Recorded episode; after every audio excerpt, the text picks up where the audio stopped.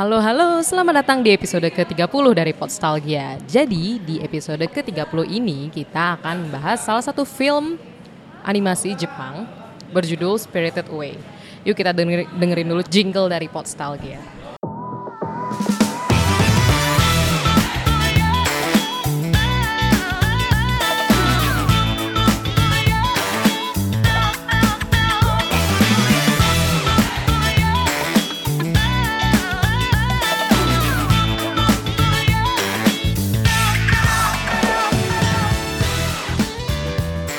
Itu adalah jingle dari Podstalgia. Sekarang gue sudah ditemani oleh Disan yang memilih film Spirited Away. Halo Disan. Halo. Halo.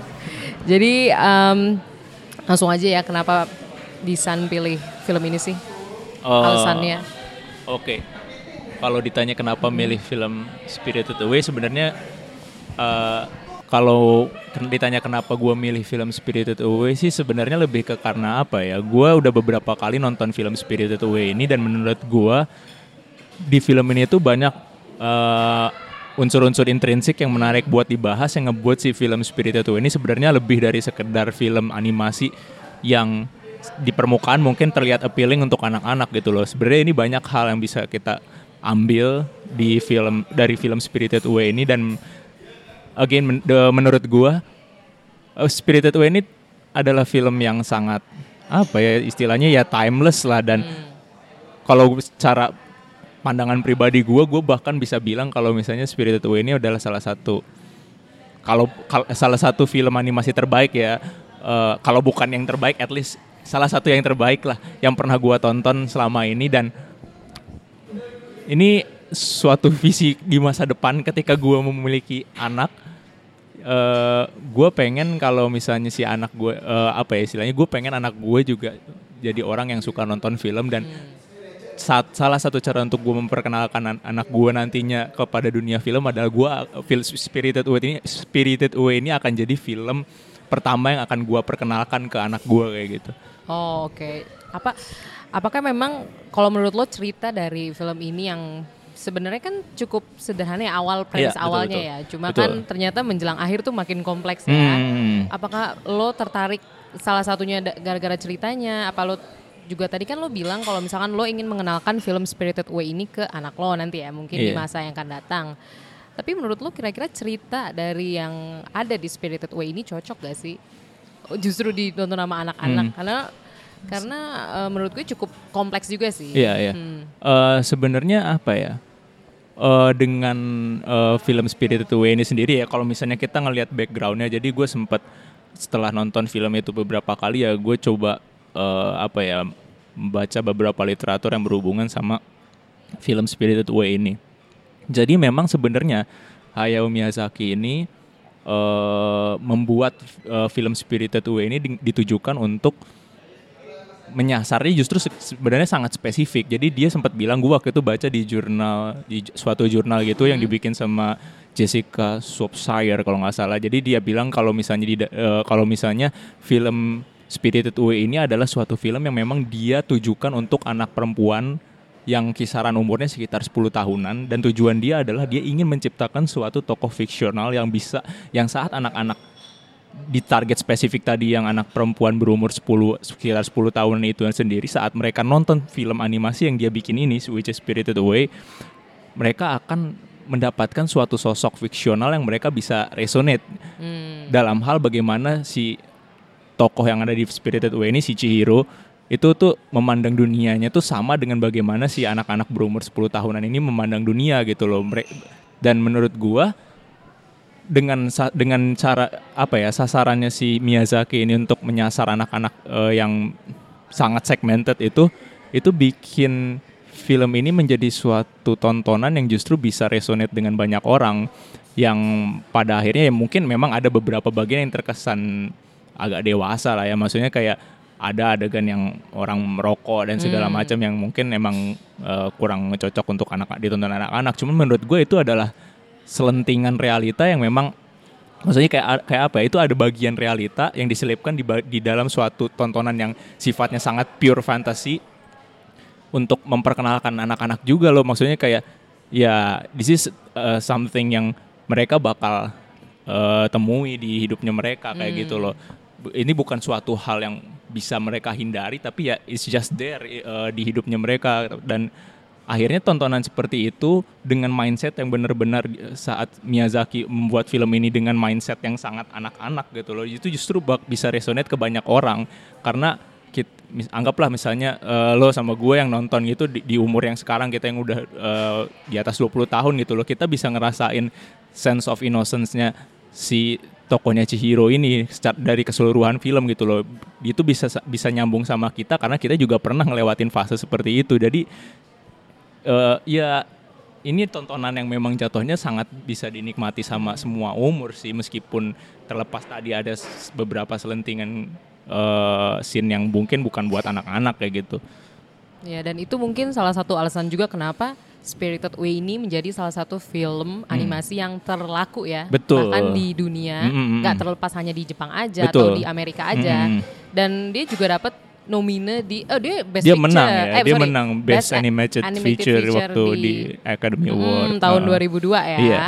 Dan kalau nggak salah sempat dapat nomine Best Picture juga nggak sih? Ini kan yang pertama kalinya ya kalau nggak salah Iya, ya. agak lupa juga sih. Cuman Uh-uh. yang jelas dia itu bisa menang eh, Best Animated Feature aja itu udah suatu prestasi Iya, untuk betul. Jepang sih waktu itu. Betul betul. Dan kenapa mungkin eh, bi- dia bisa diterima banyak orang, terus mungkin Hmm. prestasinya sangat besar karena juga di film ini tidak ada tokoh yang benar-benar hitam atau putih. Ah itu betul. Ah. Itu benar-benar kalau gue memperlihat ngelihatnya itu benar-benar ya itu Hmm. manusia pada Itu, umumnya itu betul, makhluk betul. hidup. Hmm. Pasti nggak ada yang kayak tokoh yang kelihatannya paling antagonis, pun. Antagonis ya. Aduh gue lupa namanya eh, Si Yubaba. ya. Yang ibaratnya yang owner ya jatuhnya ya. Dia itu punya sisi yang sebenarnya kita bisa empati juga. Iya, betul. Kayak dia juga menjalankan bisnis kan sebenarnya secara nggak langsung tuh bakal ngasih apa ya ngasih kehidupan lah buat Hmm. para pekerjanya di situ. Ja- Jadi ini menarik juga sih karena gue sempat lihat juga waktu itu interviewnya eh, Hayao Miyazaki sama eh, Midnight Eye. Jadi di interviewnya itu mereka dia bilang kalau memang eh, tujuannya salah satu tujuan dari film ini adalah untuk memperkenalkan kompleksitas hidup kepada anak kecil terutamanya. Eh, meskipun itu kita bisa tetap nikmatin juga ya maksudnya kayak tujuan dia adalah memperkenalkan kompleksitas hidup kepada anak-anak yang nonton film Spirited Away ini kalau misalnya hidup itu tuh gak semudah mengkotak-kotakan orang antara baik dan jahat gitu loh. Di sini dia ingin memperlihatkan kalau misalnya ada konstruksi pemikiran antar setiap karakter yang dipertunjukkan gitu. Eh, dari baik itu dari si Chihiro-nya sendiri, terus Yubaba, aku dan eh, tokoh-tokoh lainnya yang muncul lah. Maksudnya kayak kita bisa ngelihat kalau misalnya si Yubaba lah contohnya yang di, yang di seolah digambarkan sebagai tokoh yang paling antagonis di situ. Tapi tetap akan ad- a- a- di dalam film itu ada momen-momen tertentu di mana Yubaba sendiri memperlihatkan eh, apa ya eh, pure emotion lah terhadap si eh, Chihiro ini sendiri. Saat saat dia memang melakukan hal yang menurut dia layak untuk diapresiasi misalnya kayak waktu itu ada adegan yang mana ada satu apa ya istilahnya tuh sting spirit gitulah yang bau banget itu loh yang Oh. makhluk yang bau banget Iya, datang iya. dan itu tuh bener-bener dilepas semuanya di, buat si Chihiro yang ngurusin karena nggak ada orang lain yang mau ngurusin si makhluk bau ini gitu loh dan eh, she did well dalam menangani masalah itu urusannya selesai dan Yubaba pun meskipun sepanjang film kita lihat kalau dia itu kesannya kayak orang yang jahat gitu Hmm. tapi dia tetap mengapresiasi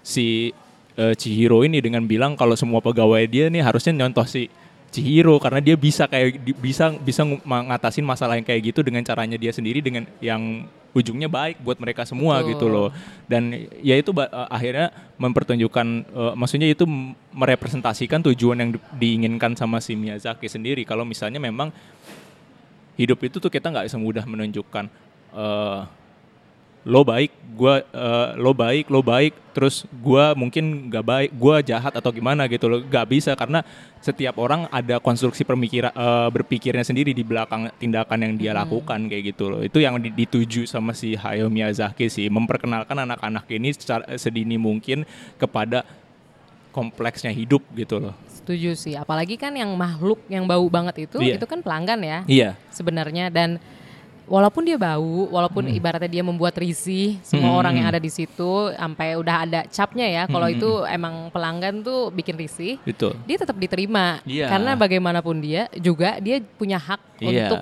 menikmati pemandian yang ada di situ. Iya, betul. Dia gimana pun juga pelanggan. Mm-mm. Dan em, untungnya juga yang ada di situ walaupun pada nggak suka ya tetap mau nggak mau Iya. harus menerima karena dia bayar. Mm-mm. Itu dia punya hak dan ya udah harus dihargai Hmm. haknya itu.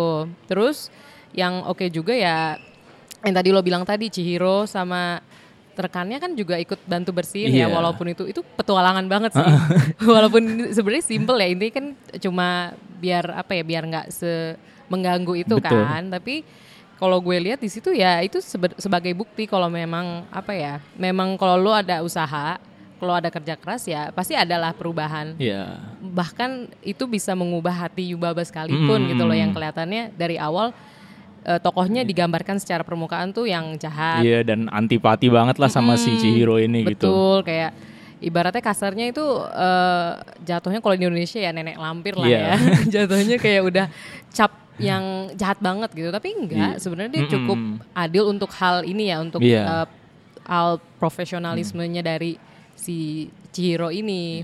Itu oke banget sih. Jadi kayak memang secara nggak langsung kita juga diminta gitu mungkin dari eh, Hayao Miyazaki-nya untuk tidak langsung menjudge orang. Iya, betul. baik dari penampilan atau dari yang nggak bisa dari first glance lah. Walaupun emang nggak nggak bisa bohong ya. Maksudnya kalau penampilan pertama tuh berpengaruh cuma ya namanya manusia pasti kompleks gitu Iya. kayak penampilan oke itu penting tapi itu bukan satu-satunya yang penting Mm. dan padahal ini yang tadi lo bilang ini Iya. film untuk anak Iya untuk anak, kecil, iya, anak anak kecil. 10 tahun yang Iya. sangat segmented gitu loh. Tapi ya betul itulah menurut menurut gue yang kenapa bikin film ini bagus karena dia ini unt- untuk film yang ditujukan eh, yang istilahnya untuk anak-anak Hmm. gitu loh. Dia ada tujuan tuju ada, ada agenda tersendiri lah di Iya. belakang itu semua untuk istilahnya memperkenalkan mereka kepada nilai-nilai hidup yang mungkinnya nantinya mereka akan encounter saat mereka udah lebih Betul, gede gitu. Betul, betul. Kami ngomongin yang hidup, gue jadi keinget nih bagian awal ketika bapak sama ibunya Chihiro tuh jadi babi. Iya. Setelah makan dengan rakus. Iya. Jujur, gue kadang masih agak masih jadi pertanyaan sih buat gue walaupun kayak gue udah nonton ya gue nontonnya nggak sebanyak lo sih mungkin kayak dua tiga kali lah Dia sama sih gitu gitu Iya segitu sih. juga. Iya sih, tapi kayak gue mikir apakah memang itu mimpi atau realita. Gue sih selalu bingung di situ sih. Tapi kayak gue Hmm. eh, akhirnya memutuskan sampai sekarang ya gue dalam sudut pandang itu aja lah, nggak usah terlalu dalam. Ya udah emang bener berubah mungkin kena Iya, kutukan iya, seperti itu karena mungkin dia mengambil apa yang bukan haknya. Emang Betul. sih ibunya bilang kan kayak dia makan ada ada sajian kan Hmm. banyak terus dia bilang yaudah kita makan nanti kita akan bayar tapi Iya. bagaimanapun juga kalau ternyata pemilik tokonya nggak mau Iya itu dia. dan ternyata ada curse-nya kan kita nggak tahu kan Iya itu ya mungkin satu pelajaran lagi ya Hmm. dan menurut gue itu dis- dipertunjukkan dalam satu ha- apa ya cara yang sangat mudah untuk ditangkap sama anak-anak gitu loh ya Mm. maksudnya mungkin jatuhnya kayak orang tua nakut-nakutin anaknya gitu loh ya lu kalau Betul. misalnya makan barang yang bukan punya ngambil barang yang bukan punya lu lu jadi babi gitu loh Iya, istilahnya cuman iya, kayak iya. ya the point is untuk menunjukkan kalau misalnya lu seharusnya nggak mengambil barang yang atau menggunakan barang yang sebenarnya bukan punya lo Mm. kecuali memang udah diizinin sama yang punya barangnya gitu loh. Sebenarnya kan poinnya kan itu ya, cuman ya kayak gue bilang tadi ya dia menunjukkannya dengan cara yang mungkin mudah melekat dan bikin anak takut gitu loh. Iya, bikin iya. anak takut dalam artian ya mereka akan dapat poinnya kalau mereka harusnya nggak boleh kayak gitu. Yang akhirnya kalau misalnya nyu- istilahnya nyuri jadi babi nanti kayak gitu. Iya. Dan itu udah siap, ibaratnya udah siap di slaughter kan, karena kan eh, ketika Ciro ngelewatin kandang babi, dia ngelihat, oh nggak, yang jadi babi itu bukan cuma orang tuanya. Iya, banyak ternyata. ternyata banyak dan jujur pas gue nonton lagi tuh gue takut sih. gue pribadi takut walaupun kayak umurnya udah 20 tahun ke atas Iya. ya. Tapi kayak konsep menga- apa kena hukuman terus kayak hukumannya itu parah banget karena kan ibaratnya lo udah bukan manusia lagi kan Hmm. Iya. lo udah jadi entitas lain yang ibaratnya uh, punya cap rakus Hmm. gitu terus udah tinggal tunggu dipotong Di- ibaratnya sembelih jadi disembelih. makanan lagi kan. Iya, jadi makanan lagi buat manusia lagi itu Iya. menurut gue itu menakutkan sih Iya. dan anak kecil mungkin anak kecil pasti takut sih Hmm. kalau nonton film itu apalagi itu orang tua sendiri dan tapi kalau menurut lo pribadi kalau misalnya lo ngeliat ini dari sisi mungkin mimpi atau hayalan, lo eh, kira-kira eh, lebih lebih pilih ini mimpi atau emang kejadian asli? Oh maksudnya apa yang terjadi Hmm, di yang itu tuh lebih, uh, menurut gue itu mimpi atau uh, karena itu kejadian? jadi pertanyaan Hmm. yang cukup em, Hmm. melekat sih di Iya. film ini karena kabur ya Iya. batas antara realita sama Mm-mm. mimpi. Uh, ini tuh sebenarnya kalau ditanya pendapat pribadi gue sih gue juga agak setengah-setengah ya Hmm, maksudnya iya, karena iya. agak meragukan juga sebenarnya ini, ini kejadian yang uh, terjadi benar-benar sama si Chihiro-nya atau Hmm. enggak gitu loh dan kalau gue menurut gue pribadi sih ya awalnya waktu gue nonton bisa jadi ini semua ya memang uh, sekali lagi dunia dalam perspektif anak kecil yang memang masih punya tendensi fantasi yang tinggi Hmm. gitu.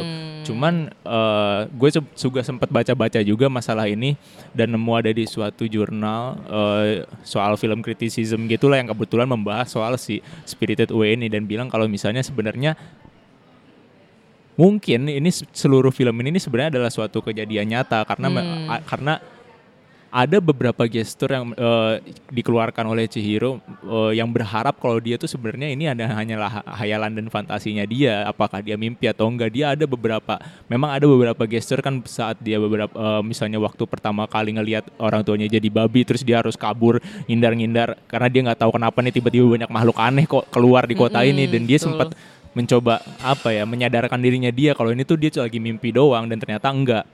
Dan kalau misalnya kita lihat di akhir pun seolah ditunjukkan kalau memang ada rentang waktu yang sudah dilewatin sama si Chihiro ini selama dia menjalani seluruh eh, apa ya rintangan yang harus dia lalui lah di bed house-nya itu Iya. dan saat dia kembali ke dalam tanda kutip realita kembali bersama orang tuanya dan dia nyamperin mobilnya kan kayak di akhir itu sebenarnya kayak adegannya kan mobilnya tuh kayak udah ketimbun rumput atau Hmm. apa jadi kayak ada rentang waktu yang sebenarnya udah dilalui sama si Chihiro ini yang akhirnya gue juga berpikir setelah baca-baca eh, analisa yang ada di jurnal itu kayak ya mungkin ini emang secara keseluruhan ya apa ya memang suatu hal yang benar terjadi sama si Chihiro atau yang kalau gue baca dalam eh, bahasanya si jurnal ini tuh adalah ini adalah eh, film ini tuh secara keseluruhan apa yang dialami sama si Chihiro waktu lagi di bathhouse itu adalah suatu anti antitesis terhadap realita Hmm. yang dijalani sama si eh, Chihiro ini gitu loh. Tapi ini memang ter- da- tapi kenapa dibilang anti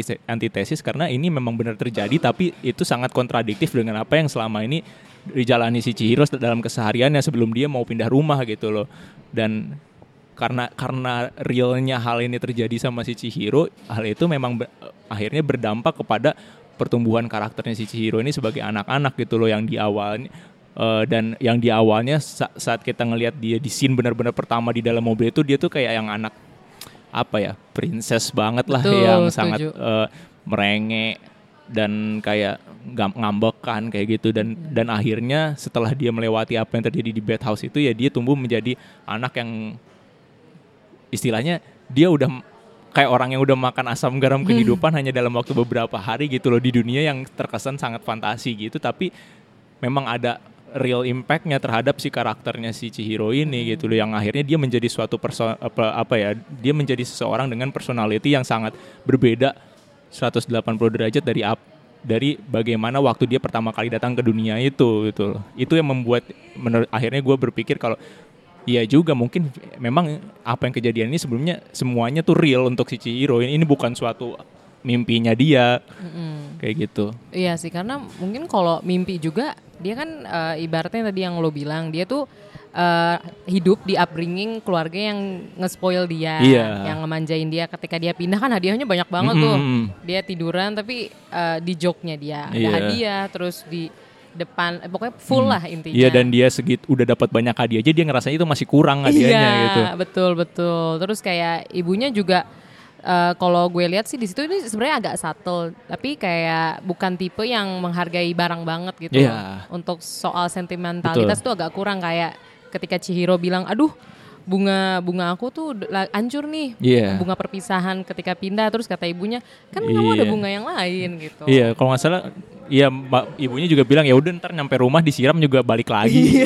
Bunganya kayak gitu. kan. Iya, padahal kan kalau bunga yang kayak rose gitu kan agak Iya. susah kan kalau mau Mm. tumbuh lagi, apalagi udah digunting gitu. Iya. Itu udah mustahil karena tinggal tunggu hari lah. Betul.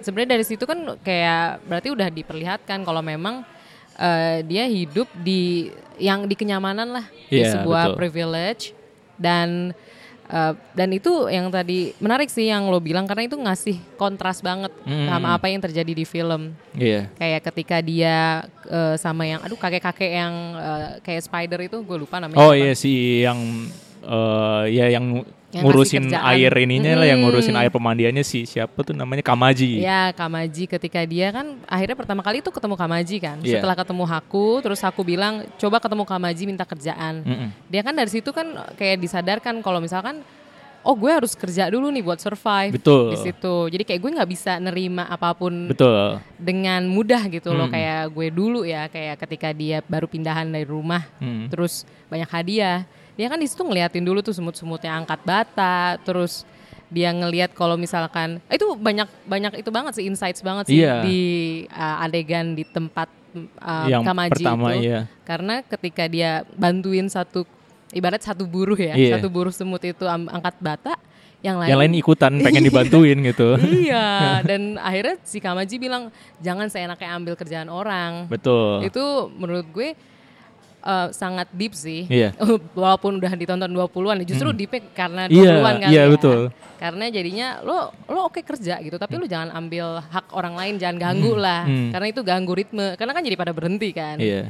Dan dari hal-hal simple gitu itu emang ngasih banyak insights ke ke Chihiro Hmm. kalau memang ya lo kerja oke kerja keras tapi tetap lo inget lo nggak tinggal sendiri di Iya, dunia ini. Dan menurut gue satu scene itu tuh menurut gue salah satu scene yang memang benar-benar sangat bermakna sih Hmm. karena both untuk kita yang anggaplah kita sebagai millennials yang emang di usianya belum baru mulai apa ya istilahnya belum lama kerja gitu loh. Iya. Eh, dan untuk anak kecil yang nonton menurut gue itu tuh penyampaian yang dilakukan di scene pertama kali si Chihiro datang buat minta minta kerjaan ke si Kamaji itu tuh suatu hal yang efektif gitu. Efektif dalam hal buat kita anggaplah buat milenial yang emang baru istilahnya masih di stage awal karir gitu loh. Itu hal yang sangat relate ba- bagaimana struggle-nya nyari kerja, Betul. terus melihat bagaimana apa ya kayak how things work di, pe- di Iya. pekerjaan dengan pembagian job desk dan segala macamnya gitu loh. Menurut gue itu sangat relate dengan eh, anak-anak kayak ki- eh, maksudnya kayak dengan orang-orang dewasa Mm-mm. yang masih muda gitu loh kayak kita dan itu juga merupakan salah satu cara penyampaian yang efisien untuk anak-anak saat mereka nonton itu kalau misalnya mere- mereka akan eh, get the idea kalau misalnya ya someday mereka harus eh, work mereka harus kerja Betul. untuk mendapatkan apa yang mereka butuhkan apa yang mereka inginkan ya nggak semudah itu gitu loh semua ada ada ada yang harus dilakukan ada effort yang harus mereka Iya. lakukan dan makanya itu scene itu menurut gue jadi sangat mantep banget karena itu bekerja dengan efektif baik untuk kita atau eh, yang udah kepala dua umurnya ataupun untuk anak-anak yang nonton gitu. Iya betul. Pagi kan anak umur 10 kan itu eh, setelahnya kan nanti itu jangkanya SMP ya atau Iya. SMA ya di Indonesia dan itu kan kalau menurut gue pribadi itu masa ketika dia akhirnya komunal kan Iya. ketemu orang-orang lain. Uh-uh. Jadi kayak dari situ ya mungkin eh, diperlihatkan juga mungkin ya secara Hmm. subtle ya bagaimana sih kita tuh hidup oke kita tetap improve tapi ya gimana pun juga eh oke mungkin sesekali itulah senggol-senggol dikit Iya. lah sama orang lain cuma ya empati ke orang lain tuh tidak bisa dihindarkan Betul. jadi emang harus seimbang Hmm. kalau terlalu baik juga ya nanti kita justru dikadalin gitu Iya betul. cuma di sisi lain ya berbuat baik juga perlu Iya. menurut gue di situ Ya maksudnya apa ya kayak mengajarkan profesionalitas sejak dini gitu loh kayak Iya, misalnya ya benar. Kalau kita kerja ya lu harus tahu kapan lu bisa ngebantuin orang Hmm. lain, kapan lu bisa distribut kerjaan lu ke Iya. orang lain gitu loh dan kapan ya lu emang harus kerjain itu sendiri gitu. loh. Mm-mm, setuju. Dan iya banyak banget ya soal Mm-mm. profesionalitas Iya. dalam bekerja ya. Heeh. Kayak gue juga jadi inget ketika Chihiro tuh mulai naik lift Ya. sama si aduh si cewek, aduh gue lupa banyak tokohnya si lagi namanya. Lin ya. Ya Lin ya. Dan dia kan masuk lift ya, Mm-mm. terus bareng kayak sebuah makhluk yang kayak lobak. Iya, yang gede, gumpel. Oh, oh. kan dia kan ibaratnya nggak kenal siapa-siapa ya, Mm-mm. kecuali Haku dan mungkin Lin dan Iya. Kamaji ya. Tapi kayak dia akhirnya encounter sama tokoh lobak itu, bapak Iya. lobak itu. Kalau menurut gue sih di situ eh, Chihiro secara nggak langsung tuh belajar kayak gimana sih sebenarnya orang-orang yang kita nggak kenal tuh Iya, gimana cara iya. handle-nya. Karena gimana pun juga kayak dia dalam dunia antah berantah tadi sebelumnya kayak Iya. nyaman banget Mm-mm. Terus dia nggak tahu karakter-karakter yang ada di mana dan dia mau nggak mau harus em, berani ambil apa pun resiko itu Mm-mm. kayak dia kan di lift terus terjebak bareng bapak lobak tuh sebenarnya agak nakutin sih kita nggak tahu kalau misalnya Iya. bapak lobaknya bakal ngomong ih ada manusia atau enggak Mm-mm. tapi ternyata bapak lobaknya tuh Kayak ya udah diem aja gitu iya kayak nggak ngomong apa-apa Hmm. tapi justru menurut gua agak agak ditutupin juga sih Iya betul. kayak Dan Mm-mm. itu sebenarnya kayak apa ya menunjukkan kayak kalau kita memasuki suatu lingkungan yang asing itu akan ada masanya ya kita bertemu dengan beragam orang yang betul. nantinya mungkin bisa membuat kita paranoid gitu loh saat kita menemukan eh, menemui se- seseorang yang punya sikap yang menurut kita intimidating yang membuat kita takut yang akhirnya saat kita ketemu sama orang lain bikin kita ngerasa kalau sifat orang ini tuh bisa jadi sama kayak yang si sebelumnya yang bikin kita intimidating ju- eh, merasa terintimidasi Iya. juga padahal kan enggak gitu sampai karena kan Hmm. mungkin dia sempat paranoid karena ada sa- satu si pekerja yang di bed house-nya juga yang waktu pas si dia mau naik lift oh ya dia kan ketemu sama si Lin-nya itu kan terus dia kayak dia nyium-nyium kayak kok lu bau manusia sih dia bilang kayak gitu dan itu Betul. kalau untuk anak kayak Chihiro yang masih kecil gitu loh dan mereka dia nemuin hal kayak gitu itu akan menimbulkan menurut gua akan menimbulkan secara psikologis dia dia akan apa ya otomatis takut ke- saat ketemu makhluk lain yang ada di dunia yang sama karena dia akan menganggap kalau misalnya semua orang di eh, di dunia itu akan meng- menganggap manusia itu apa, ya maksudnya kayak saat mencium sua- atau melihat apa pun berbau manusia itu kayak najis gitu loh Iya. mereka mereka pikirnya. Padahal kan si yang bapak gede yang si makhluk gede lo kayak lobak itu ternyata biasa-biasa aja Bener. dan nggak nggak nggak kayak si satu orang ini yang kayak sampai nyiumin Wah, Oh, lu oh. manusia nih kayak gitu sampai akhirnya kan kayak Linnya kan mesti tahan banget Iya. kan eh, biar si apa salah satu tokoh ini nggak ngejar Chihiro Iya. kan dan itu akhirnya beneran dilindungi sampai si Chihiro bisa ketemu Yubaba kan ke Iya, lantai betul, paling betul. atas itu Heeh. Menurut gue oke banget sih kayak Hmm. emang lo harus berani ambil jalan apa pun Iya. kayak lo nggak pernah tahu soalnya orang-orang Hmm. sekitar lo tuh seperti apa Iya. oke yang pertama mungkin emang jahat ya Iya. jatuhnya kayak mengganggu eh, jalan hidup kita gitu Hmm. cuma ternyata yang nggak ki- kita kira tuh bisa ternyata membantu betul nggak Mm. pernah tahu emang dan kayak sebenarnya kayak Lin sendiri gue juga agak curiga sebenarnya Hmm. kan walaupun memang bentuknya kayak manusia ya Iya. cuma karena kayak bentuknya kayak manusia gue nggak tahu nih ini apa makhluk ini ada apa nih Oh, oh, kalau bahkan hak enggak deh, dari Haku pun, Iya. Haku, Lin kayak mereka oke tokoh manusia juga. Cuma Hmm. nggak pernah tahu itu sebenarnya kayak gimana uh, karakternya. Apakah Hmm. memang namanya manusia kan Iya. justru lebih kompleks kan baik buruknya dan dari awal kita diperlihatkan juga kalau misalkan di Spirited Away ini cukup seimbang Betul. uh, penggambaran karakternya bahkan kayak orang tuanya sendiri oke Iya. mereka care caring gitu ya ke anaknya cuma secara nggak langsung karena terlalu care jadi agak Kayak memanjakan spoil. iya, gitu jadi jatuhnya. memanjakan dan eh, itu juga menurut gue kalau gue pribadi jadi seru sih film Spirited Away Betul. ini karena nggak bisa ditebak Iya, setiap iya. karakternya Hmm. bahkan kayak yang No Face itu eh Iya. bukan No Face apa Iya, si no face ya Iya know. istilahnya No Face itu gue juga jadi ini sebenarnya dia apa Iya, iya. kayak gue pas pertama kali nonton terus kan dia tenar duluan ya gue jujur lebih tahu No Face duluan Hmm. sebelum nonton karena Hmm. kan sering ada di mana-mana Beredar-beredar ya. Oh, gambarnya. Lagi kayak acara-acara Jepang tuh kayak Iya. nggak sedikit yang cosplay No Face. Cuma pas gue nonton film gue juga tetap bertanya-tanya sih. Jadi Iya. sebenarnya No Face ini apa? Ya gue juga agak mempertanyakan ya sebenarnya si Hmm. No Face ini tuh maksudnya apa sih motifnya dia tiba-tiba ada di dalam film ini Hmm. gitu loh dan gue mungkin ngelihatnya dia nih kalau secara keseluruhan akhirnya gue cuman sampai pada konklusi kalau misalnya si No Face ini, sebenarnya adalah suatu makhluk apa ya bukan makhluk jatuhnya dia lebih ke media Mm-mm. yang membantu proses tran- eh, transformasi ke kepribadian si Chihiro Hmm. karena banyak ada karena kalau misalnya dilihat sebenarnya banyak adegan adegan-adegan eh, di mana eh, Chihiro menunjukkan gesture yang istilahnya menunjukkan progresnya dia ke arah yang lebih baik itu adalah saat dia berhubungan dengan si No Face ini Hmm. mulai dia dari nyuruh apa sih mempersilahkan si No Face-nya masuk karena kehujanan Hmm, kayak iya, gitu terus betul. sampai dia how she handles eh No Face waktu eh, situasinya si No Face ini ngamuk di bed bed ba- apa sih itu bathhouse-nya ini mengejutkan sih buat gue Iya. karena gue nggak expect sama Iya. sekali kalau No Face tuh bakal nggak chill karena Iya. kayak dari awal kelihatannya chill yang Iya. mungkin nggak banyak Heeh, heeh, menimbulkan masalah ternyata di situ Hmm. dia menimbulkan sesuatu Hmm. konflik dan mungkin si No Face ini selain menjadi suatu media untuk si Chihiro ini berprogres menjadi eh, orang dengan ke karakter yang lebih baik gitu Hmm. Kita juga bisa ngelihat kalau si Novice ini sebenarnya adalah gambaran yang nggak bisa terbantahkan juga kalau di pergaulan kita kalau ada satu orang yang mungkin terlihat sangat lonely, Hmm. terlihat se- apa ya mungkin mau di- dibilang introvert tapi introvertnya yang agak ekstra gitu loh yang Iya. dia agak sulit bergaul sama orang dan dia jatuhnya saat melihat satu ada orang yang memberikan dia kebaikan dia mencoba untuk apa ya memberi memberi balik gitu loh memberi timbal balik kepada orang yang eh, istilahnya udah membantu dia me- memberikan kebaikan kepada dia cuman kayak jatuhnya dia nggak tahu nih gimana sih sebenarnya caranya gue harus nge-repay si orang yang udah baik sama gue ini karena dia tuh nggak terbiasa bergaul sama orang gitu loh. Dan akhirnya ter- akhirnya dia ju- eh, berujung pada nyusahin or nyusahin orang lain gitu loh jatuhnya karena dia tuh terlalu mencoba untuk ngasih kebaikan ke-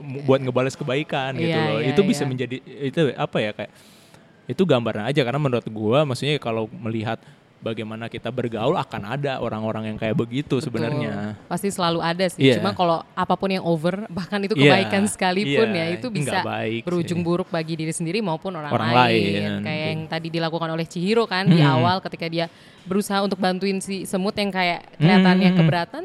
Ternyata malah membuat yang lain jadi males juga Iya. gitu ngasih sugesti. Iya, oh gue gue bisa nggak kerja lagi nih, dia yang kerja gitu. Iya, ini kayak kayaknya dia baik nih bisa bantuin nih. Ya udahlah kita mogok mau malas-malasan aja Iya, gitu. Dan itu maksudnya dari mungkin dari sekolah, kuliah, ke, ya, Iya. simpel kerja kelompok ya. Kayak oh ini anak rajin baik lagi. Iya, Udahlah, dia aja yang kerjain semua. biasa terjadi di kota-kota dan kampus-kampus. iya, bahkan kerjaan juga. Iya. Kayak ah udahlah, dia kan juga baru masuk, Mm. masih eager kerjain dia aja lah gitu. akan ada tendensi saat ada orang yang mencoba untuk melakukan kebaikan atau berinisiatif baik dan akan ada orang lain yang memanfaatkan inisiatif Iya, tersebut gitu loh. Itu udah betul. suatu apa ya kayak ya udah udah suatu fenomena yang alami lah itu sudah Iya. pasti akan ada kayak gitu sih. Betul. Makanya di film ini kan akhirnya juga dilihat dari Chihiro yang tadi terlalu baik, udah akhirnya lebih Iya. bisa tahu kondisi. Iya. Hmm. itu oke banget sih jadi emang kalau kalau menurut gue sih yang selain emang visualnya oke banget ya Iya. kayak gue jujur dimanjakan sama visual yang ada di Chihiro sama musiknya cukup. Hmm. menurut gue juga oke karena membangun suasana gue berada di dunia fantasi itu Hmm.